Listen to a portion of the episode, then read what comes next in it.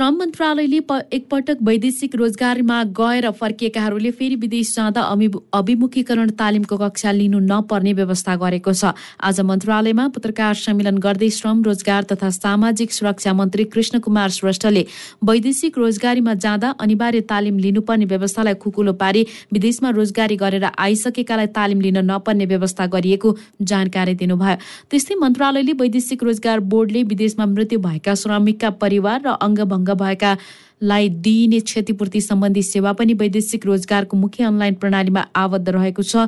यसले पीडित श्रमिक र श्रम उनीहरूको परिवारलाई क्षतिपूर्ति र बिमा रकम पाउन सहज हुने मन्त्री श्रेष्ठले बताउनुभयो।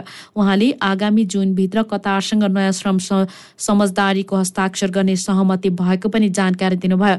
मन्त्री श्रेष्ठले पाँच वर्षीय रणनीतिक कार्ययोजना तयार गरी स्वीकृतिको चरणमा पुगेको जानकारी दिनुभयो। मन्त्री श्रेष्ठले वैदेशिक रोजगारीमा जानेहरूको शुल्क निर्धारण निर्माणका विषयमा पनि छलफल भइरहेको बताउनुभयो। वैदेशिक रोजगारीमा जाने श्रमिकसँग सरकारले तोके भन्दा बढी धनु धेरै रकम लिई ठगिरहेको सूचना आएपछि विभिन्न मेन पावर कम्पनीलाई कारवाहीको दायरामा ल्याइएको छ।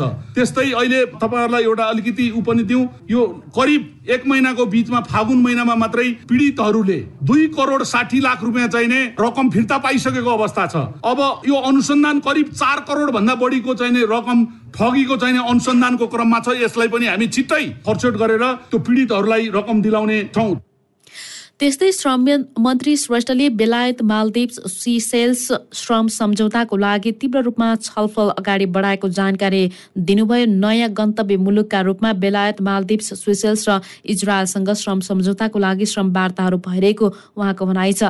अहिले एक सय अठहत्तर मुलुकमा नेपालीहरू व्यक्तिगत श्रम स्वीकृति लिएर जान पाउँछन् भने एक सय दस मुलुकमा संस्थागत रूपमा श्रम स्वीकृति लिएर जान पाइने मन्त्रालयले जनाएको छ।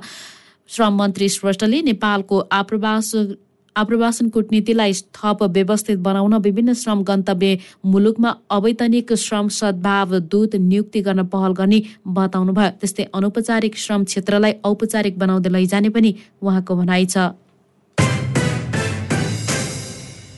नेपाली कङ्ग्रेसले आगामी स्थानीय तहमा चुनावी तालमेल गर्ने कि नगर्ने भन्ने विषयमा भोलि औपचारिक निर्णय गर्ने भएको छ। पार्टी कार्यालयमा आज बसेको कङ्ग्रेस केन्द्रीय कार्य समिति बैठकमा धारणा राख्ने क्रम सकिएसँगै चुनावी तालमेलका विषयमा कङ्ग्रेसले औपचारिक निर्णय गर्न लागेको हो।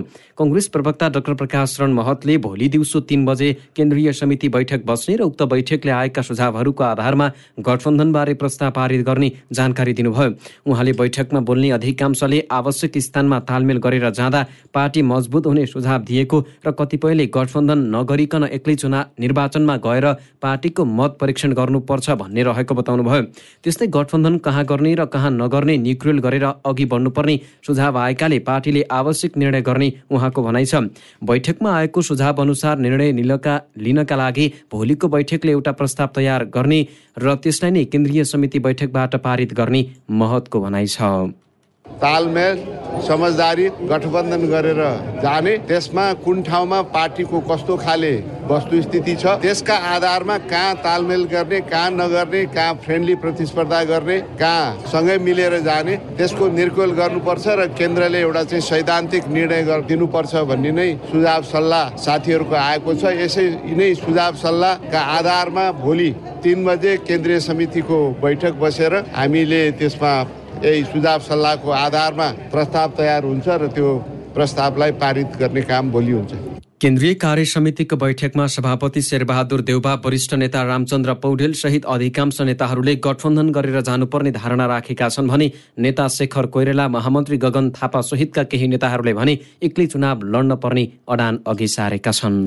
यसैबीच कङ्ग्रेस सभापति एवं प्रधानमन्त्री शेरबहादुर देउवाले आसन्न निर्वाचनमा कङ्ग्रेसले गठबन्धन गरेर सबै सिट जित्ने दावी गर्नुभएको छ। केन्द्रीय कार्य समितिको आजको बैठकमा गठबन्धनबारे फरक फरक धारणा आएपछि जवाफमा प्रधानमन्त्री देउवाले अघिल्लो निर्वाचनमा गठबन्धन नहुँदा धेरैजना नेताहरू पराजित भएको स्मरण गराउनुभयो। नेता शेखर कोइरालाले गठबन्धन गर्न नहुने भन्दै आफ्नो विचार राखेपछि देउवाले यस्तो प्रतिक्रिया दिनुभएको हो। बैठकमा सभापति देउवाले द्वन्द्वकालमा माओवादीले सबैलाई दुःख दिएको भए पनि अहिले ती कुरा सम्झिएर नहुनेमा जोड दिनुभयो। उहाँले अब आफू पार्टी सभापति विधान त हुन नमिल्ने भन्दै मिलेर अघि बढ्न आग्रह समेत गर्नुभयो। नेकपा एमालेका अध्यक्ष केपी शर्मा ओलीले एमाले मात्र मुलुकको विकासको काम गर्न सक्ने दावी गर्नुभएको छ। आज कपिलवस्तुको तौली हावामा संघीय सांसद ब्रिजेश कुमार गुप्ता लगायतलाई एमाले प्रवेश गराउँदै ओलीले एमालेको विजय देशको आर्थिक सामाजिक उन्नतिको लागि हुने समेत बताउनुभयो। आगामी निर्वाचनमा एमाले जिते मात्र शिक्षा स्वास्थ्य खानेपानी पूर्वाधारको विकास हुने उहाँको भनाइ छ। उहाँले हुलाकी राजमार्ग सीमा जोड्ने सडक भैरहवा अन्तर्राष्ट्रिय विमानस्थल पोखरा विमानस्थल देशमा तुइन विस्थापन जस्ता देश विकासको योजना आफ्नो पालामा भएको दावी समेत गर्नुभयो। त्यस्तै उहाँले आगामी निर्वाचनमा सबै दल मिलेर आए पनि एमालेलाई पराजित गर्न नसक्ने धारणा राख्नुभयो। पश्चाताप गर्नुपर्ने छैन। किन एमालेमा आएछु भन्नुपर्ने छैन।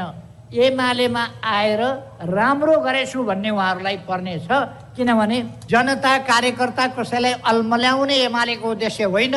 नेकपा एमाले जनतालाई सचेत बनाउन चाहन्छ। अल्मल्याउन होइन। नयाँ उत्साहका साथ नयाँ योजनाका साथ नयाँ दृष्टिकोणका साथ नेकपा एमाले अघि बढिरहेको कार्यक्रममा एमाले प्रवेशपछि बोल्दै संघीय सांसद ब्रिजेश कुमार गुप्ताले मधेसको विकास र मधेसीको हितमा काम गर्ने दल एमाले मात्र भएको हुँदा कार्यकर्ता सहित प्रवेश गरेको बताउनु भएको छ। नेकपा माओवादी केन्द्रका अध्यक्ष पुष्पकमल दाहालले रोल्पाकै बलमा आफूले सिंहदरबारमा लडिरहेको प्रतिक्रिया दिनुभएको छ।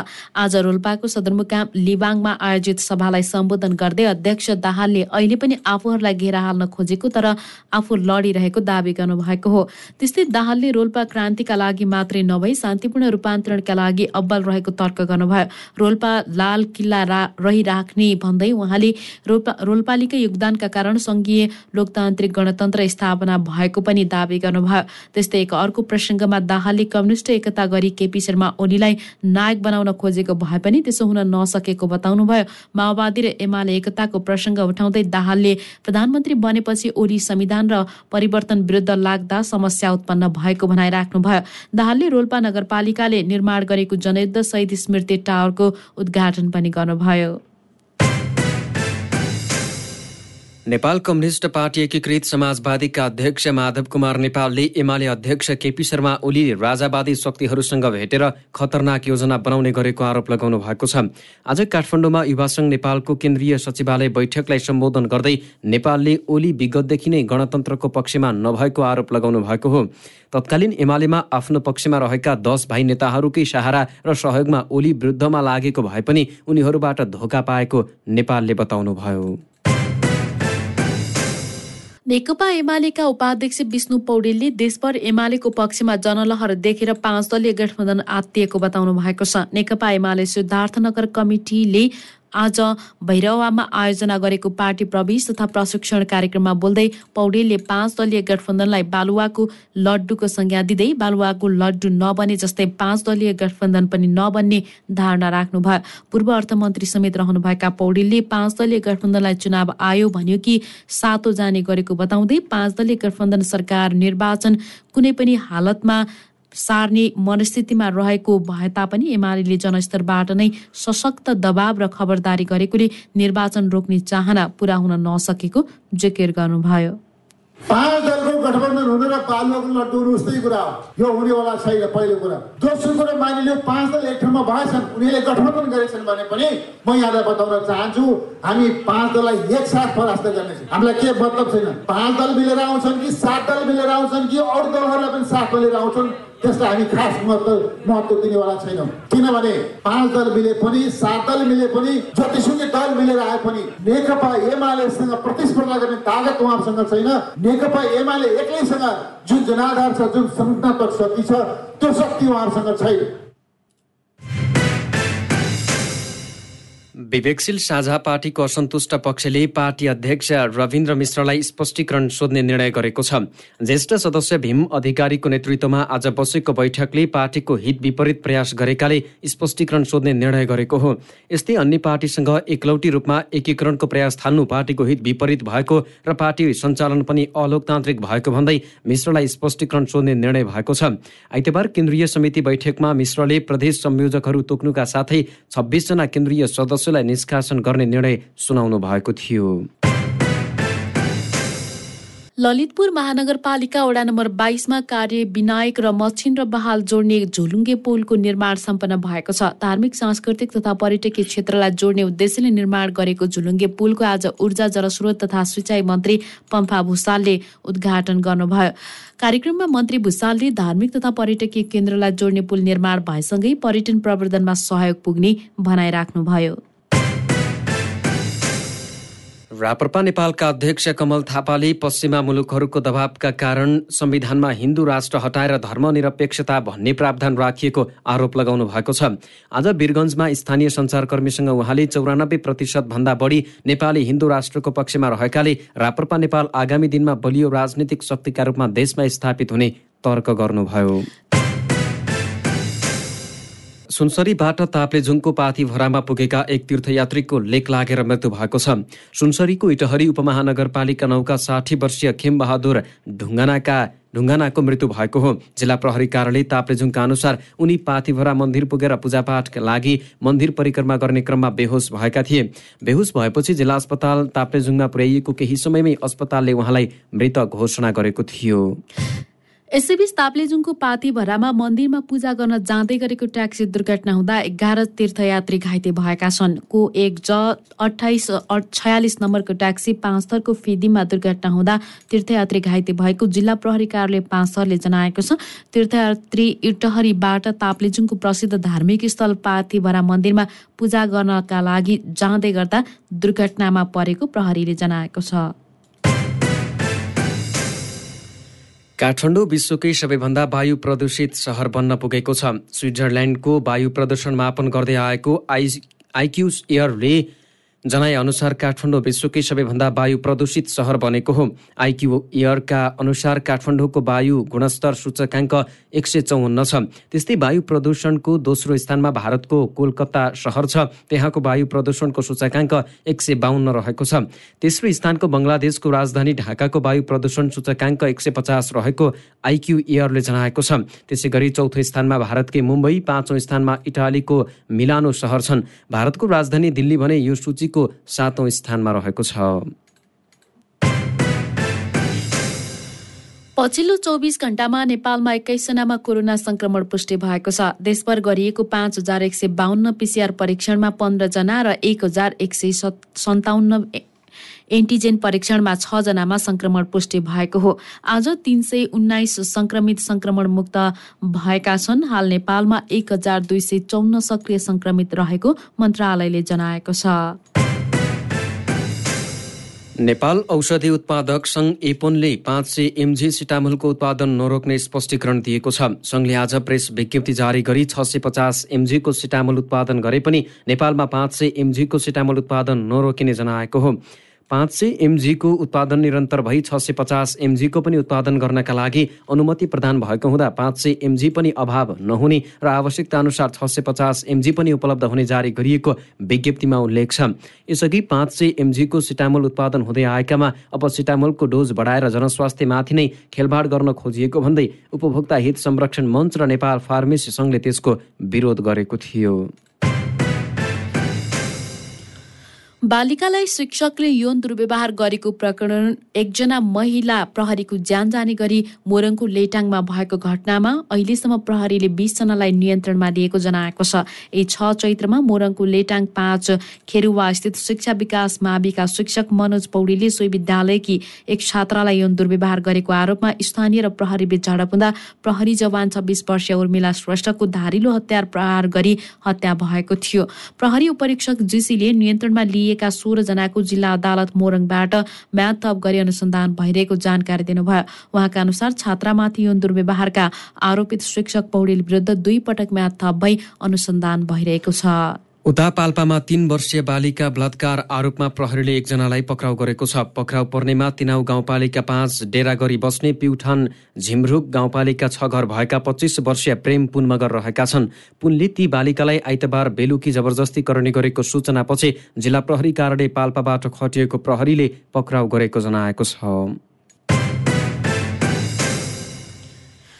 काठमाडौँको कलङ्कीबाट लागु औषध ब्राउन सुगर सहित तीनजनालाई प्रहरीले पक्राउ गरेको छ। पक्राउ पर्नेमा भारतको लखनऊ घर भई कलङ्की बस्दै आएका अठार वर्षीय मोहम्मद खुफ गुफरान भारत लखनऊ नै घर भई कलङ्की बस्ने अठार वर्षीय अह्यान अन्सारी र ललितपुर धोबीघाटका उन्चालिस वर्षीय गणेश रजक रहेका छन्। उनीहरूको साथबाट त्रिचालिस ग्राम ब्राउन सुगर लागौषध जोख्न प्रयोग गरिने मेसिन दुई लाख पैँतालिस हजार रुपैयाँ चार थान मोबाइल मोटरसाइकल बरामद गरिएको कालीमाटी वृत्तले जनाएको छ। त्यस्तै सिराहामा अवैध लागु औषधसहित एकजनालाई पक्राउ गरिएको छ। पक्राउ परेमा गोलबजार नगरपालिका पाँच बस्ने बत्तीस वर्षीय अरुण कुमार शाह रहेको प्रहरीले जनाएको छ। सेयर बजार परिसूचक नेप्सेमा लगातार गिरावट आइरहेको छ। नेप्से आज उनातिस दशमलव नौ आठ अङ्कले घटेर दुई हजार पाँच सय बयालिस दशमलव दुई आठ बिन्दुमा पुगेको छ। आज कुल उनपचास लाख अन्ठाउन्न हजार नौ सय चौध किता सेयर दुई अर्ब चौन्न करोड त्रिपन्न लाख एक्काइस हजार आठ सय चौध रुपियाँमा कारोबार भएको छ। आज राष्ट्र उत्थान लघुवृत्त र इमर्जिङ नेपालको सेयर मूल्य दस प्रतिशत बढेको छ। आज कारोबार रकमका आधारमा जीवन विकास लघुवृत्त Api power power Himalayan distillery Nepal life insurance र लाइफ इन्सुरेन्स कर्पोरेसन अगाडि रहेको छ। करिब सात अर्ब रुपियाँ लागतमा बन्ने बुटवल स्थित लुम्बिनी प्रादेशिक अस्पतालको नयाँ भवन निर्माणका लागि गरिएको टेन्डर रद्द भएको छ। बाह्र सय सैयाको दस तले भवन निर्माणको लागि गत फागुन आठ गति र चैत दुई गते गरी दुई पटक आह्वान गरिएको टेन्डर सार्वजनिक खरिद ऐनको दफा छत्तिसको उपदफा एक ग बमोजिम सोमबारको निर्णय अनुसार रद्द गरिएको प्रदेश पूर्वाधार विकास प्राधिकरणका प्रमुख कार्यकारी अधिकृत अनन्तराज घिमिरेले बताउनुभयो। टेन्डरमा आर्थिक चलखेलका लागि दुई निर्माण कम्पनी बाहेक अरूले प्रतिस्पर्धा गर्ने नपाउने गरी सरकारले स्पेसिफिकेसन बनाएर सेटिङ मिलाएको व्यवसायीको दावी थियो। स्पेसिफिकेसनको मापदण्ड अनुसार रमेश शर्माको जेडआइइसी शर्मा र रसुवाका कङ्ग्रेस सांसद मोहन आचार्यको रसुवा जेभी मात्र टेन्डरमा सहभागी भएका थिए। मुख्यमन्त्री कुलप्रसाद केसी अध्यक्ष रहेको प्रदेश पूर्वाधार विकास प्राधिकरण समितिको निर्णय अनुसार टेन्डर गरिएको थियो। धेरै कम्पनी बीच प्रतिस्पर्धा हुन नसक्दा सात अर्बको ठेक्कामा राज्यलाई डेढ अर्ब रुपियाँ नोक्सान हुने देखिएकाले आफ्नो एकल निर्णयमा टेन्डर रद्द गरिएको प्रदेश पूर्वाधार विकास प्राधिकरणका प्रमुख कार्यकारी कार्यकारी अधिकृत अनन्तराज घिमिरेले बताउनुभयो। नेपाल दूरसञ्चार प्राधिकरणले फाइभ जीको कार्यान्वयन र प्रवर्धनका लागि गुरु योजना बनाउन परामर्श सेवा प्रदान गर्ने चारवटा कम्पनीलाई सर्टलिस्ट गरेको छ। तिनमा Teleglobe सोलुसन्स JB talent कन्स्टा consultant group exclusive Everest JB र महारुद्ध एक एक्जिक्युटिभ जेबी रहेका छन्। यीमध्ये उत्कृष्ट एकलाई छनौट गरी प्राधिकरणले परामर्शको जिम्मा दिनेछ। यसका लागि प्राधिकरणले गत पौष नौमा सरकारको विद्युतीय बिल्डिङ पोर्टल मार्फत आशयपत्र माग गरेको थियो। आशयपत्र पेश गर्ने अन्तिम मिति पच्चिस पौषसम्म तोकिएको थियो। क्यान्डेट न्युजमा अब अन्तर्राष्ट्रिय समाचार। श्रीलङ्काले एक अर्ब ऋण सहायता उपलब्ध गराउन भारतसँग आग्रह गरेको छ। देशमा आर्थिक सङ्कट चुलिएकाले अत्यावश्यक वस्तु आयात गर्न समस्या भएको बेला श्रीलङ्काली अर्थमन्त्री वसिल राजापक्षले भारतसँग थप एक अर्बको आर्थिक सहयोगको लागि आग्रह गर्नुभएको समाचार संस्था रोइटर्सले जनाएको छ। सन् दुई हजार बिसको जनवरीदेखि विदेशी मुद्रा सञ्चितमा सत्तरी प्रतिशतले गिरावट आएपछि त्यहाँ मुद्राको अवमूल्यन भएको छ। मुद्रा सञ्चितका कारण श्रीलङ्का सरकारले विश्वव्यापी ऋणदाताबाट सहयोगका लागि प्रयास जारी राखेको छ। मुद्रा सञ्चितमा गिरावट आएसँगै देशमा चरम खाद्य सङ्कट चुलिएको छ भने इन्धन अभावप्रति पनि सङ्घर्ष गरिरहेको अन्तर्राष्ट्रिय सञ्चार माध्यमले जनाएका छन्।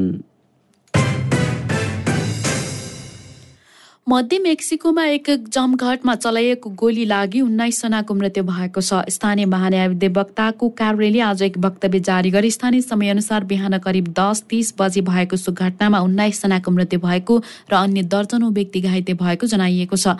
कार्यालयका अनुसार सो घटनामा मृत्यु हुनेमा सोह्र पुरुष र तीन महिला रहेका छन्। मिको आक्यान राज्यको लस टिनाजा सहरमा उत्सवका लागि भएको जमघटमा दुई समूहबीच विवाद भएपछि गोली चलेको एक प्रत्यक्ष दर्शी एक प्रत्यक्षदर्शीलाई उद्धित गर्दै अभियोजनकर्ताको कार्यालयले जनाएको छ। आक्रमणमा घाइते भएका अन्य दर्जनौ मानिसलाई स्थानीय अस्पतालमा भर्ना गरी उपचार गरिरहेको समाचारमा जनाइएको छ।